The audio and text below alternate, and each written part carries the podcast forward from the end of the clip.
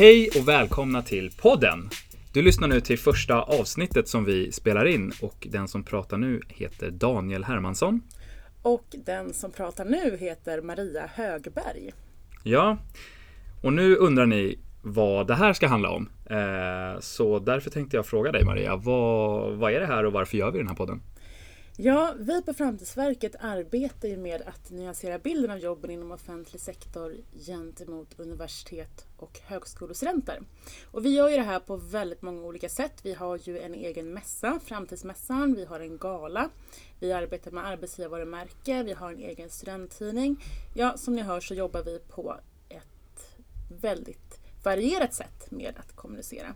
Och varför inte en podd då? Ja, men precis. Jag lyssnar ju på väldigt mycket poddar. Det tror jag alla vi gör här. Vi gillar det som en kommunikationskanal.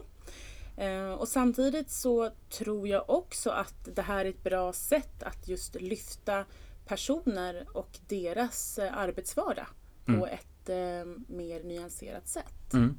Och du har haft den här idén ganska länge. Mm.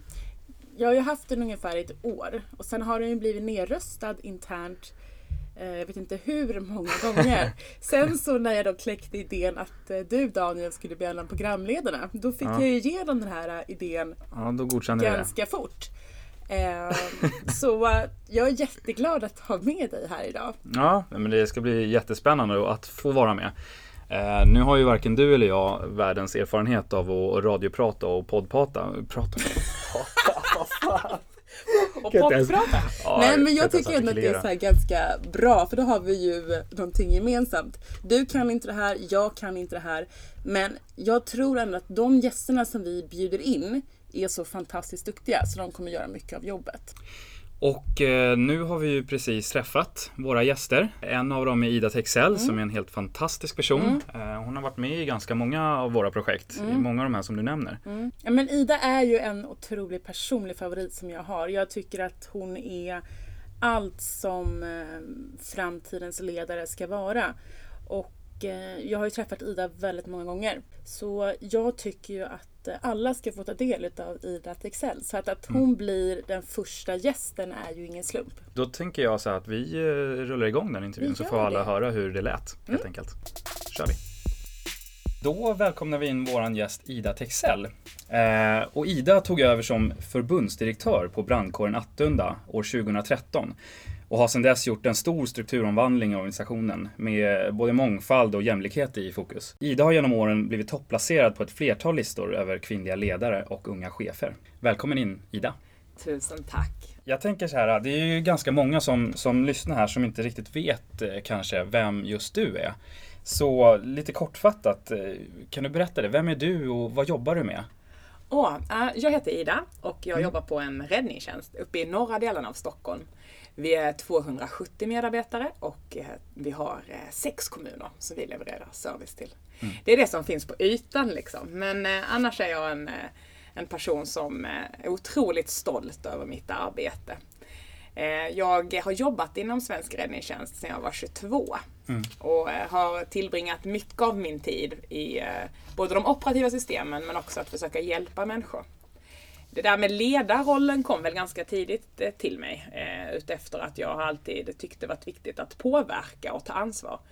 Eh, jag tycker att människor behöver dels vara goda med varandra men också stå upp för varandra och skapa en liksom bra både arbetsmiljö men i förlängningen också ett lite bättre värld. Så jag tycker så här, ledarskap har alltid varit viktigt för mig. Eh, när man funderar kring räddningstjänst och så, så brukar eh, man ofta associerar det till bränder. Eh, och att man är ute och liksom räddar liv så. Men eh, vi gör så mycket annat. Så att i, i, min vardag så ingår att utmana normer och det ingår att fundera om vi kan göra saker och ting effektivare och bättre. Så på det sättet är jag nog ganska modig och har vågat göra en del saker. Mm. Men ganska modig, är inte, är inte du en extremt modig person? Vad är du rädd för? oh, ja, men det, du, har, du, du är klok i det Maria, för mod och rädsla hänger ihop. Eh, ibland behöver man göra saker även om man är rädd. Och ibland behöver man göra saker även om man eh, inte riktigt vet hur saker och ting kommer att bli. Eh, jag drivs ju av att ändå försöka göra mitt bästa och våga utmana det även om jag känner att jag är lite rädd ibland. För det är ibland svårt när man pratar om eh, normer eller kultur som inte är så inkluderande eller så bra. Då behöver man stå på sig, känna liksom integritet och vara liksom lite, lite modig. Så, så jag, jag, tänker ibland att jag är, jag är rädd, men rädslan är också bra för då vet jag att jag är på rätt väg, att jag liksom vågar kliva ett steg till. Mm. Så jag tycker det är en civilkuragefråga, att när saker och ting inte funkar, eller saker och ting inte är bra, att alla människor försöker göra sitt bästa för att eh, på något sätt förändra det eller ja, göra liksom, saker och ting lite bättre. Det är mm. jätteviktigt för mig. Mm. Så ja, mod det känner jag nog ändå att det är jag rätt stolt över att kunna känna ibland. Men gud mm. ska veta att jag är rädd emellanåt. Oj, oj, oj. Det finns dagar när jag tänker så här, det här kommer ju aldrig att gå. Hur ska det här liksom, hur ska jag, hur ska, hur ska jag kunna fixa det här? Ja, men, ähm, ja, men jag har liksom tänkt att det jag har varit med om har jag också lärt mig saker och då tänker jag att nej men vad tusan, det här måste finnas ett sätt och så försöker jag liksom vara så god och bra som möjligt och så tänker jag men jag får bara börja göra det jag tror är rätt och på den resan kommer man ganska långt. Mm. mm. Du nämnde tidigare här att du varit sedan du var 22 år i räddningstjänsten. Om du kan börja lite grann, vad, vad har du för bakgrund och hur, hur började din resa? Så här var det, när jag var 14 så bestämde jag mig att jag skulle jobba inom räddningstjänst. Så var det. Eh, min pappa ville gärna att jag skulle bli läkare, men det ville inte jag och jag tycker om att ta mina egna beslut. Eh, och så blev det så. Jag sökte till brandingenjörsprogrammet nere mm. i Lund mm. och läste där då från 1998, så fyra år framåt. under den resan så lärde jag massor med väldigt mycket. Vi jobbade bland annat som brandmän då en sommar, 1999. Så det var mitt första möte liksom med räddningstjänst fullt ut. Och var väldigt lärorikt för mig som både människa men också för min kompetens. Men hur var det då? För då hade du ju inte jobbat som brandman nej. tidigare. Nej. Var det som du hade tänkt dig? Ja, både ja och nej. Ehm, den sommaren minns jag speciellt för Dels var det utefter den verklighet jag mötte, eh, de människor som behövde hjälp och så vidare. Men jag mötte också en kanske miljö som jag upplevde att jag ville förändra. Räddningstjänst är väldigt homosocialt och väldigt mycket män som arbetar. Mm. Och det är ju bra. Men redan då började jag fundera, vad kan man göra för att skapa en arbetsplats som är mer inkluderande och representerar alla som finns i samhället. Man får aldrig glömma liksom att offentlig sektor levererar service till människor under deras levnadsbana. Så vi är ju som en del av samhället. Och att mm. förstå samhällsutveckling och mänskliga relationer, det skulle jag önska att egentligen alla program mm. mm. skulle kunna tänka sig att eh, komplettera med. Mm. mm. Tror du att eh, det här med att vara verksam i en, en eh, mansdominerad bransch har varit en, en, stor faktor bakom att du har, har varit så framgångsrik i de här frågorna? Ja, du ställer en väldigt bra fråga. För jag tror ju precis att den verklighet du befinner dig i, den formar dig det är så arvmiljö på något mm. sätt. Eh, och det är klart att eh, nu har jag haft eh, både duktiga kollegor och fina kollegor kring mig och så, så att jag är ju tacksam för alla de erfarenheterna jag fått. Men man måste komma ihåg att det har ju mellanåt varit liksom ensamt att vara kvinna i en då mansdominerad bransch. Det har också haft sina fördelar. Eh, du blir ovillkorligen eh, väldigt synlig. Mm. Så allt du gör eh, läggs märke till på något sätt, både på gott och på ont. Men att lära sig behärska det trycket eh, från både omgivningen och kunna hantera de förväntningarna som både jag själv har på mig och också omgivningen då har haft, har ju fått mig att eh, utvecklas på många sätt. Jag har alltid valt att se det som positivt. Även om det såklart har funnits stunder i min karriär när jag tyckt att vissa saker har varit väldigt jobbiga. Mm. Och så är det för oss alla. Vi utsätts för tryck, vi hamnar i situationer där vi känner att Åh, liksom, hur ska jag klara det här? Vi kanske rent av är rädda emellanåt eller känner oss små. Men att ändå liksom försöka omvandla det till någonting som blir bra och som för både dig själv framåt men som också för dina kollegor framåt och i förlängningen också hela organisationen. Det tror jag är någonting som ja, faktiskt jag har varit framgångsrik i och jag tänker att om, om det är framgång så är det minsann ett fint eh, begrepp. Alltså mm. att under tryck kunna göra något bra av det som är jobbigt och föra verksamhet och dina kollegor och dig själv framåt. Mm. Vad, vad hände och hur såg det ut för dig direkt efter avslutande studier? Var offentlig sektor något som var självklart i ditt val? Eller hur tänkte du där? Ja, men svaret på det är nog ja. Jag har alltid velat jobba för andra människor, med andra människor i att göra, skapa skillnad och kunna bidra på något sätt. Så mm. svaret efter min utbildning, ja det var självklart. Jag ville jobba inom en räddningstjänst. Den drivkraften var ganska stark hos mig. Mm. Och um, jag började jobba som instruktör på Lunds brandförsvar 2002, mm. eh, 2003. Och eh, jobbade då med att eh, utbilda människor i brandskydd helt enkelt. Mm. 2006 blev jag befäl och jobbade sedermera då i Malmö som operativt utryckande. Mm. 2009 blev jag operativ chef och ställföreträdande räddningschef nere i Malmö och Räddningstjänsten Syd som det då hette. Mm. Och 2013 eh, flyttade jag upp till Stockholm och leder då Attunda. Så okay. det min vad, var det som, vad var det som fick dig att flytta upp till Stockholm? Åh, jag kommer så väl ihåg det. För, för ni vet, jag hade ju världens bästa jobb i Malmö. Ja. Jag jobbade som operativ chef och vi hade 600 medarbetare och Oj. otroligt häftig liksom, stad och otroligt häftiga förutsättningar. Och så hade jag jobbat fyra år och jobbat mycket med just eh, eh, hur vi levererade verksamhet och vilka då befäl och ledare vi ville vara när vi ryckte ut på skadeplats. Mm. Jag hade jobbat mycket med ekonomin som vi behövde få ordning på och var väldigt nöjd. Så jag minns när samtalet kom 2013 att jag eh, svarade impulsmässigt att ja, men jag har världens bästa jobb. Mm. Så, ja, men så. Och sen pratade jag med den personen som då skulle rekrytera till den här tjänsten som jag arbetar på nu mm. och blev väldigt nyfiken. Hon berättade om eh, hur människor mådde i den organisation som jag då jobbar i idag. Och hon berättade om de utmaningar som då fanns. Mm. Och någonstans i det samtalet så eh, jag vet att det började växa fram i mig det här med men det här måste väl någon kunna göra någonting åt. Då. Den här, liksom, ja, men, det här måste väl kunna gå och varför är det mm. så här? Jag blev väldigt nyfiken. Mm. Och sen följde en serie samtal efter det och det här är våren 2013. Och det slutade med då att i april eh, 2013 så signerade jag mitt avtal och hade bestämt mig då för att åka upp till brandkåren Attunda och försöka göra någonting som skulle vara bra för de medarbetarna och de kommuninvånarna som mm. vi då såg. Eh, hur såg utmaningarna ut eh, på, på brandkåren Attunda? Vad var det som lockade dig i de här? För du beskrev det att det var vissa utmaningar som ja.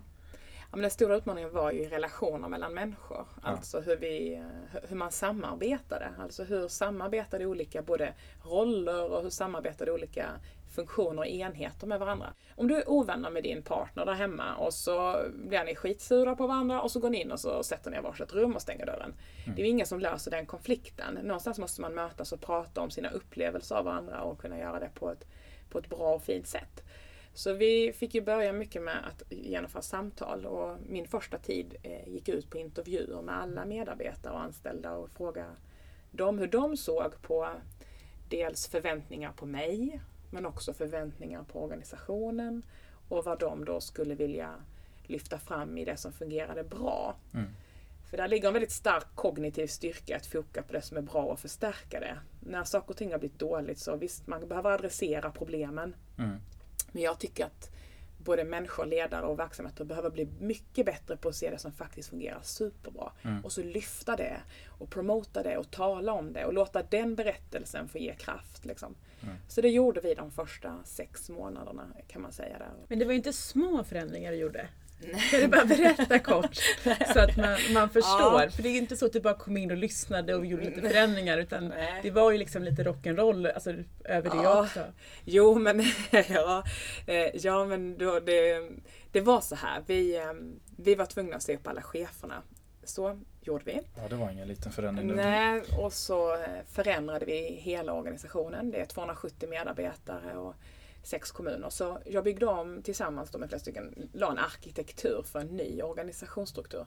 Och den skulle då möta kommunernas behov av hjälp och serva kommunerna bättre. För eh, det var en viktig input i vårt arbete. Så sa upp alla cheferna, eh, la om hela organisationsstrukturen. Vi förändrade hela det ekonomiska systemet. Det hade varit outsourcat till en annan eh, organisation.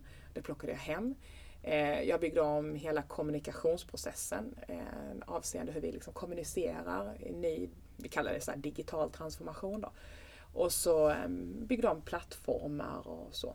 Men det allra, allra viktigaste arbetet vi gjorde eh, och gör fortfarande, det är vårt arbete med att prata om värderingar, normer och kultur.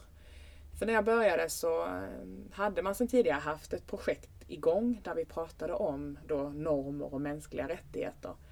Men jag lyfte fram det ännu hårdare och accentuerade det ännu mer när jag tillträdde i vilka människor vill vi vara? Och vilket samhälle vill vi leva i?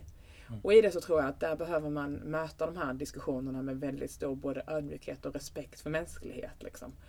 Så att det arbetet, det är ju det som fortfarande pågår och det som jag egentligen är mest stolt över. Att vi har vågat utmana både normer om, och, och även kultur i, i viss mån. Då, alltså.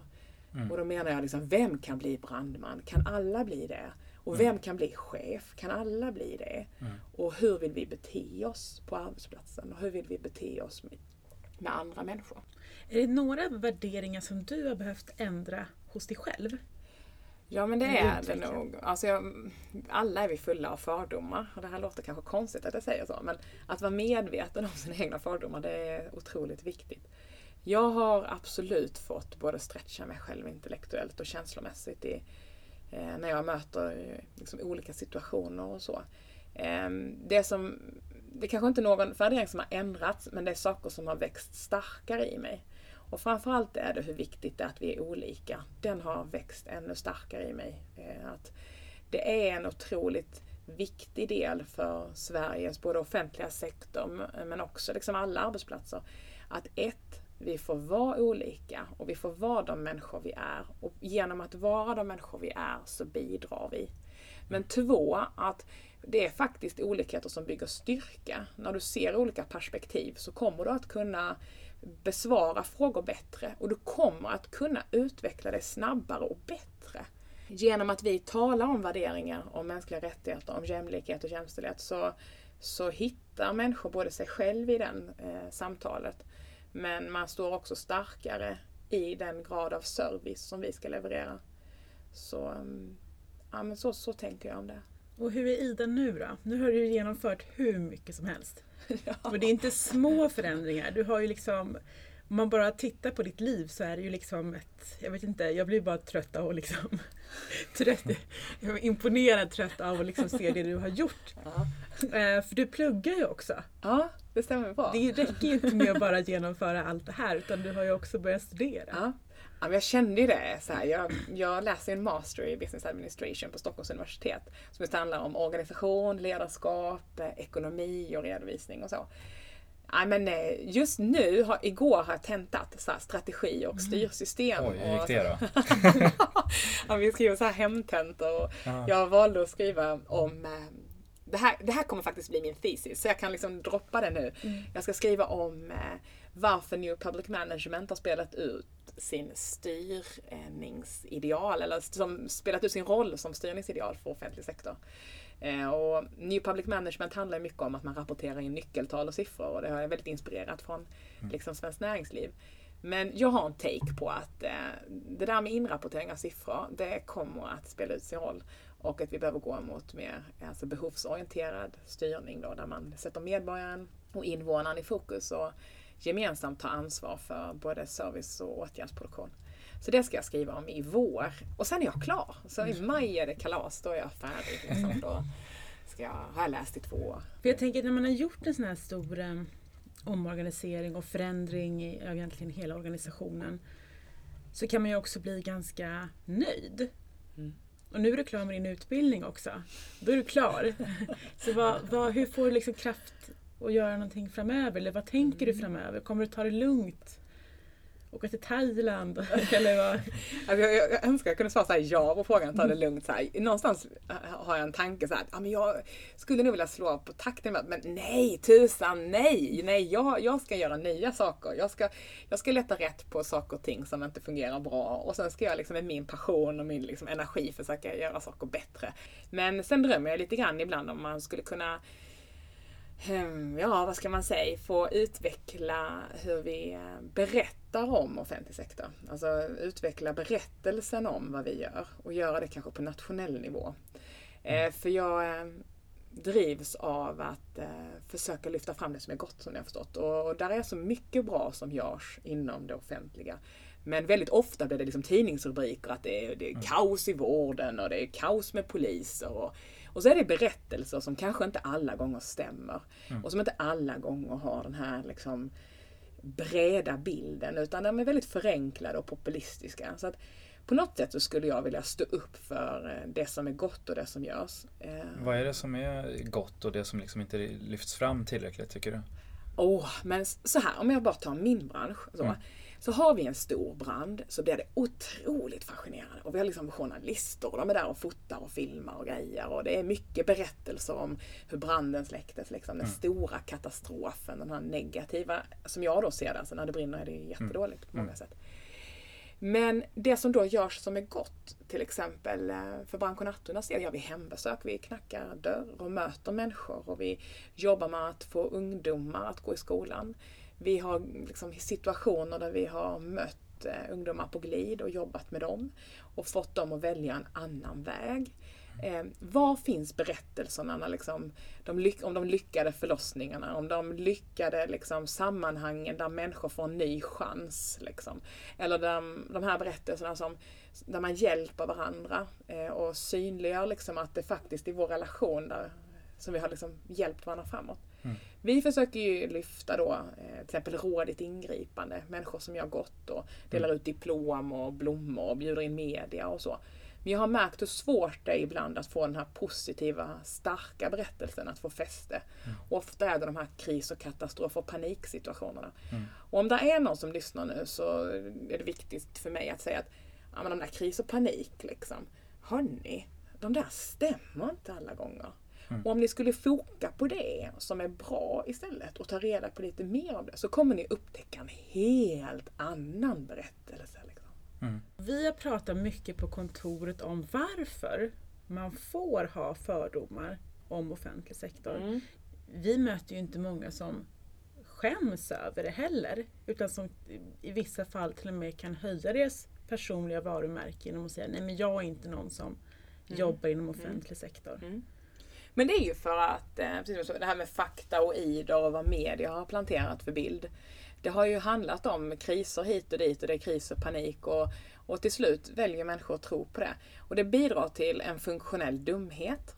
Eh, jag skulle vilja säga så här att eh, funktionell dumhet är aldrig bra. Och, men man ska ha förståelse för att den konstitueras eller bildas av att, att liksom, det skrivs saker som inte riktigt är sant. Alltså, det är där liksom stora problemet ligger. Och så tillåter man berättelser om att, att saker och ting kan vara si eller så. Eh, och där, där, tror jag att det är en stor myt om offentlig sektor, att liksom vissa saker är inte funktionella eller att så här är byråkratiskt eller att det, det är liksom ganska så dåliga förutsättningar. Och den bilden har ju skapats av att man har kanske skrivit mycket om det här i media eller fått det med sig genom olika typer av samhällsdebatter. Mm. Och det är där jag menar att här har vi alla ett ansvar att lyfta fram och prata om det som är gott och göra det liksom med en, liksom, att man får tycka olika på en mer liksom, nyanserad liksom, bild. Och jag tycker det är otroligt tråkigt att höra att liksom det är så. Men man kan bara välja att förhålla sig till det. Och sen kan man välja att jobba aktivt för att förändra den bilden. Och vara liksom superstrong i att prata om goda exempel och vara superstrong med att säga Hörru, det där är en fakta och i, den stämmer inte. Det blir funktionell dumhet, ta reda på mer information och så här ser det faktiskt ut egentligen. Liksom, voilà. Men det är rätt som du säger, det är nog lite legitimt att klanka till exempel på polis eller klanka på vården eller så. Så varumärkena och dess konstruktion har ju varit väldigt intimt i förhållande med medias bild. I alla fall för offentlig sektor, det är väl min analys av det. Och det skulle man ju behöva förändra och jobba mer med. Det som vi kan uppleva är att man är lite rädd för att berätta om bristerna mm. i organisationen. Mm. Mm. Men det du beskriver är ju också att det är det som kanske är det som triggar ja. dig och kanske även andra. Ja, Nej, men jag tror så att alla verksamheter har sina brister eller sina utmaningar eller vad du väljer att etikera det som. Så jag tror ganska starkt på att problem eller utmaningar, som sagt kalla det vad du vill, de ska man omfamna för att de får dig själv att stretcha både känslomässigt, intellektuellt och de får dig någonstans när du har hanterat dem att bli en bättre människa. Mm. Så att, nej, jag är inte så himla bekymrad över att det finns utmaningar i offentlig sektor. För jag tror att offentlig sektor, det, det, de utmaningarna de, de gör mänskligheten lite bättre. Mm. Så, det är det ena. Och det andra är ju att visst, man kan se de här utmaningarna och problemen, men vi behöver också se vad vi kan göra liksom, ännu bättre att prata om det vi har gjort som är bra. Liksom. Mm. Vad är den största utmaningen som du har stött på i din karriär? Den absolut största utmaningen för mig själv i min karriär har nog varit att själv hantera mina egna både tillkortakommande och eh, känslomässiga utmaningar. Så. Och det låter kanske väldigt liksom, konstigt när jag säger så. Men någonstans så tänker jag i alla fall att visst har jag ställts inför svåra saker och övat på svåra insatser där människor har omkommit. Jag har hanterat svåra budgetar där vi inte haft balans, där jag liksom haft svårt att se en väg fram. Jag har hanterat svåra förhandlingar där vi har stått väldigt långt ifrån varandra. Jag har varit med om att en medarbetare omkom på, på, eh, på eh, arbetet och så vidare. Så jag har varit med om väldigt många liksom, utmanande situationer eh, i min karriär. Men det allra mest utmanande i det där då, det är att som både ledare och människa hitta sig själv i känslan och kunna förhålla sig till det och ändå kunna eh, resa sig igen eller med ny kraft ta ett kliv framåt. Så för mig har olika tryck eller utmaningar eh, inneburit en utmaning för mig själv i att förstå mig själv bättre, bli tryggare som människa och ändå orka resa mig igenom saker och ting har varit väldigt svåra. Liksom. Men om att vara med om att en kollega omkommer, mm. hur, hur hämtar man sig från det? För jag tänker att det kan man ju inte förbereda sig teoretiskt på något sätt. Man hämtar sig inte riktigt eh, så. Eh, vår eh, kollega Anders då, han blev påkörd på en insats eh, och eh, omkom, eller i samband med insats blev han påkörd och så avled han några dagar senare. Eh, vi, nej men vi hämtar, man hämtar sig på ett sätt, det här kommer låta helt konstigt, men sorg är ju eh, olika för oss alla och det är klart att liksom, den mest akuta fasen kan man ta sig igenom. Men eh, någonstans så finns det alltid med oss. Det, det, är vad jag tänker i alla fall. att eh, Det finns alltid med oss och vi som har liksom jobbat med eh, Anders. Då, så men eh, nej, den har varit, eh, det var, det är nog, eh, det har varit, det var väldigt jobbigt och framförallt då med hänsyn till både kollegor, arbetskamrater och även Anders familj och så. så att mm. Det en, var en väldigt svår situation både för Attunda och alla mina kollegor och kompisar och också för mig som ledare. Mm. Mm. För där krävs det ju ett annat, alltså för om en kollega så kan man känna sorg själv. Men ja. du är ju också ledare och ska leda organisationen genom ett sånt här arbete.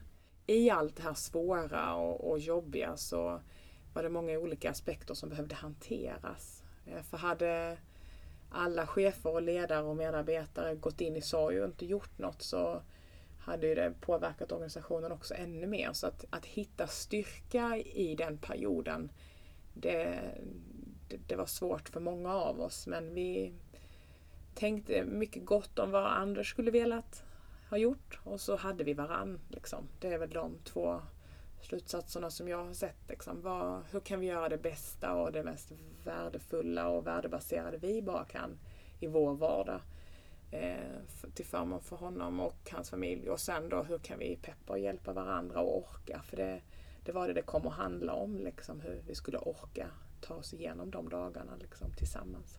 Mm. Och där har du, jag tänker den, den förändringen du har gjort av organisationen eh, som du ändå hade kämpat med, som, som möter det här. Mm.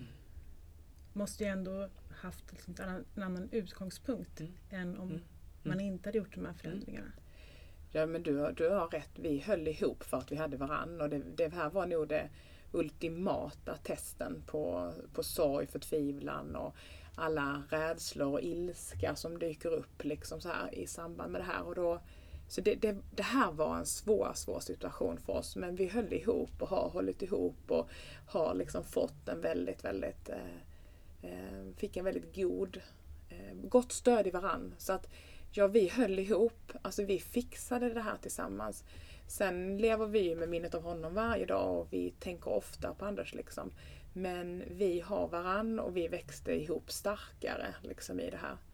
Och jag är ju väldigt tacksam över att, att någonstans vi hade varann i den här resan. Och någonstans, det finns ju en, en sån här tanke om att liksom allt du har gjort har fört dig hit. Liksom.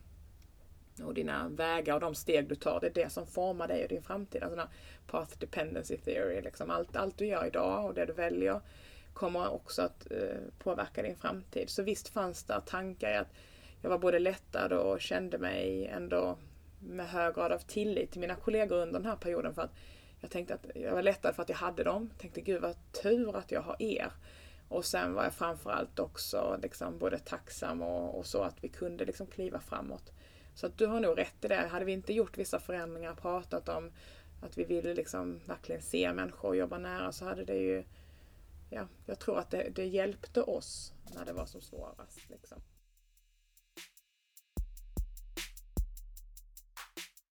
Nu har vi kommit till en del av eh, programmet eh, som vi har med i varje, eh, eh varje avsnitt. Eh, och det, den heter Fördomshinken. Eh, och det är en, en hink med olika fördomar som olika studenter har formulerat och mejlat in då, om offentlig sektor. Så jag tänkte att jag drar den här så får du helt enkelt svara på, ja, svara på din syn av den fördomen. Då. Um, hur ser du på synen att det är tråkigt och trist att jobba inom offentlig sektor? Trist är det absolut inte. Nej. Så här, ingen annan dag är den andra lik. Jag menar när du möter människor och deras eh, världar så kliver du in i rum som du liksom aldrig tidigare varit i. Och det är liksom, det är inte likt någonstans så. Så att eh, du måste vara duktig och skilled på att greppa olika kontexter. Mm. Och du måste liksom kunna möta människor i olika situationer. Men tråkigt och trist, nej det håller jag inte med om. Att göra ditt bästa utifrån dina förutsättningar som du har i att kunna hjälpa människor måste det väl ändå vara det finaste du kan göra. Eller om du mm. jobbar i skolan. Liksom. Mm. Är, det, är det tråkigt med barn? Jaha, alltså, jag, jag förstår inte det påståendet. För mm. Det offentlig sektor gör är ju allt ifrån liksom, skola till stadsplanering, nya städer som växer fram, till tandläkare, till renhållning, till ja, räddningstjänst och sjukvård. Mm. Jag menar, jag, skulle jag säga så här. Sen när blev det tråkigt att unga gick i skolan? Och sen när blev det tråkigt att städer växte fram? Och sen när blev det tråkigt att, eh, att människor hjälper andra människor i vård eller polis eller räddningstjänst? Mm. Vad är det för tråkigt med det? Och eh, om du tycker det är tråkigt, vad tycker du då är kul? ja, klockrent. Den här framgången som du har varit med om, att, att man verkligen eh, eh, vågar ta för sig. Jag menar, hur, hur för det måste ju vara en framgångsfaktor, eh, ja. tänker jag. Hur, har du något tips till alla studenter där ute som har höga ambitioner, som vill göra skillnad? Ja, alltså låt inte andras berättelser om dig få forma din väg, utan forma din mm. egen berättelse. Jag menar, oavsett vad du kommer hamna i för sammanhang så får du ibland höra att du inte kan göra si eller att du inte kan göra så. Mm. Det ska du bara ta och strunta i. Så. Mm. så låt inte andras berättelser forma dig.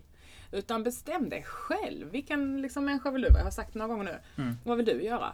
Och när du vet det så bara liksom gå all in. Och lyssna inte på människor som liksom väger ner dig. Utan ta för dig, tänk positivt och så hittar du kraft i de människor som du vet liksom boostar dig i en riktning som du själv tror på. Mm. Då kan du gå hur långt som helst. Mm. Men Ida, vi tycker att det har varit så otroligt roligt att ha dig här. Eh, och eh, vi på Framtidsverket tycker att du är helt fantastisk. Eh, och att du gör verkligen skillnad på riktigt. Mm. Eh, och vi eh, hoppas att du kommer fortsätta. Att du inte kommer lägga dig på en strand i Thailand. utan att du fortfarande kommer gå i bräschen för det du tycker är rätt och riktigt. Ja, men tack snälla. Eh, jag tycker ni är fantastiska. Ja, tack så jättemycket. Jättekul att ha dig här verkligen. Sen har vi ju bjudit in Elin Körifjord också som är ordförande på Socialhögskolan eh, vid Stockholms universitet. Mm. Eh, och henne har vi bjudit in för att få ett studentperspektiv på de diskussioner vi för om, om den offentliga sektorn. Mm. Så jag tänker väl att vi eh, rullar igång så får ni det höra hur det lät helt enkelt. Mm. kör vi.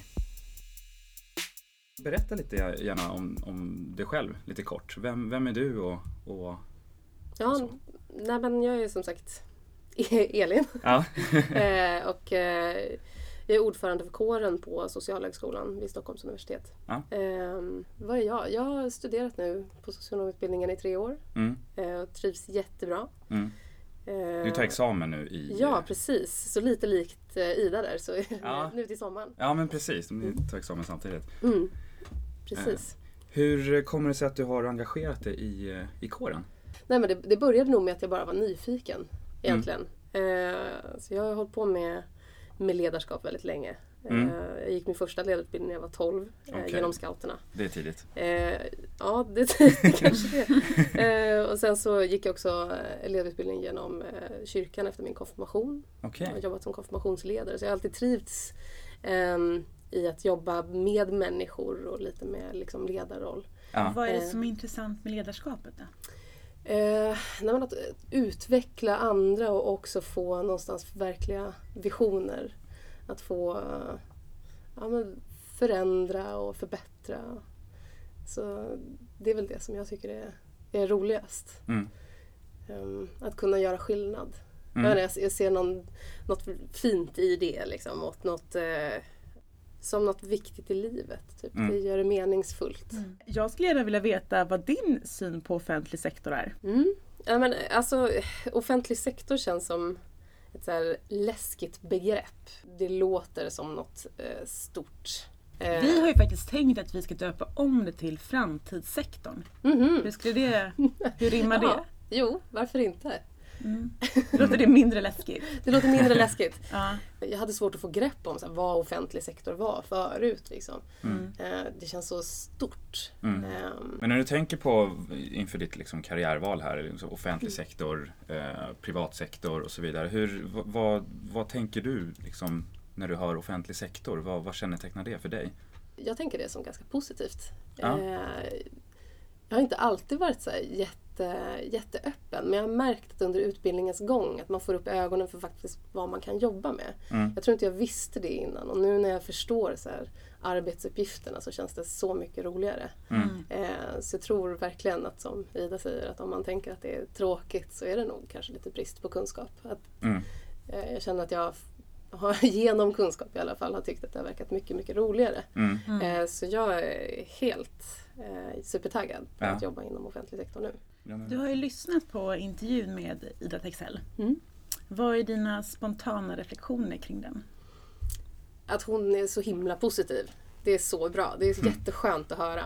Mm. Eh, verkligen inspirerande, kände jag. Eh, som kvinna att eh, ta plats. Man är ju lite märklig mm. ja. som, som tar plats. Det, mm. det, får man inte göra. Eh, men jag upplever att jag har hamnat i eh, rätt yrkeskategori. Det känns som att det, man uppmuntrar varandra. Mm. mm. I alla fall där jag har varit nu. känns mm. det jättebra. Det. Du har ju fått ställt en fråga till Ida, personligen mm. också. Mm. Ska vi lyssna på den? Ja. Jag har fått in en fråga här från, eh, från eh, dagens eh, studentgäst Elin Körrefjord. Hon har skickat in den här frågan till dig. Eh, jag undrar vilken den viktigaste lärdomen Ida fått med sig i sin karriär som hon önskar att hon hade vetat tidigare i livet. Det är en superbra fråga. Eh, jag svarar nog så här. Det är ingen fara att, att liksom misslyckas. Jag hade någonstans när jag var ung en tanke liksom om att allting skulle liksom bli rätt och bra och sådär. Och det driver mig fortfarande att göra så bra som möjligt. Liksom. Mm. Men sen har jag insett hur viktigt det är att eh, saker och ting inte alls blir som du har tänkt emellanåt. Mm. Alltså du ställs inför situationer och du tänkte, ah, men gisses, hur ska det här gå? Eh, eller att du inte kan hantera det, nämligen att liksom du, du känner att du misslyckas. Det är de situationerna som har fått mig att växa allra mest. Alltså när det har varit som svårast. Det är inte när det är lätt som får dig att liksom utvecklas, utan det är mm. faktiskt när det är som tuffast. Och det kan låta lite banalt och det kanske alla redan vet och jag kanske bara är en late bloomer liksom i den här förståelsen. Men jag tror att jag fattar på riktigt liksom att det är faktiskt mina misslyckanden som har gjort mig till den människa jag är bland annat då och att mm. fått mig att liksom spänna bågen lite hårdare och bli lite liksom bättre. Så. Mm. Det är alltså inte genom framgång som du enbart liksom utvecklas utan mest nästan genom de motgångar och de utmaningar du ställs mm. inför. Hade du gjort någonting annorlunda då om du redan hade vetat det här från början?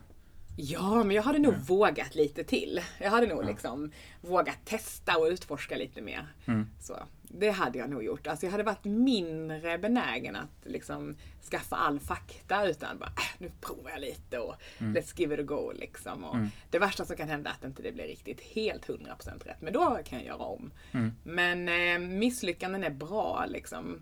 Och eh, jag brukar säga det här liksom att att chefa i ett konfettiregn, det klarar alla när allting går bra och liksom mm. solen lyser på dig och du har det fint. Men det är få som klarar av att vara ledare när det är riktigt snålblåst, när det är riktigt tufft. Mm. Men det är också de situationerna som får dig att bli en ännu bättre människa och ledare. Vad tyckte du om, eh, om Idas svar på din fråga? Jättebra. Det är ju någonting som jag tror att alla tampas med. Lite osäkerhet och om man ska våga testa, testa nytt. Ehm, så absolut, att våga misslyckas. Det, det kommer jag ta med mig och mm. försöka. För jag tror att det är lätt eh, i efterhand att se tillbaka på det och tänka att man, man ångrar inte då. Nej. Även om det är jobbigt i stunden att misslyckas så ja. ska jag försöka att eh, fokusera framåt. Mm. Och tänka att det här, det är ingen big deal. Men sådär, då var första poddavsnittet inspelat. Mm. Hur kändes det då? Nej men det kändes jättebra. Eh, väldigt spännande och eh, intressant att lyssna till både Ida och Elin.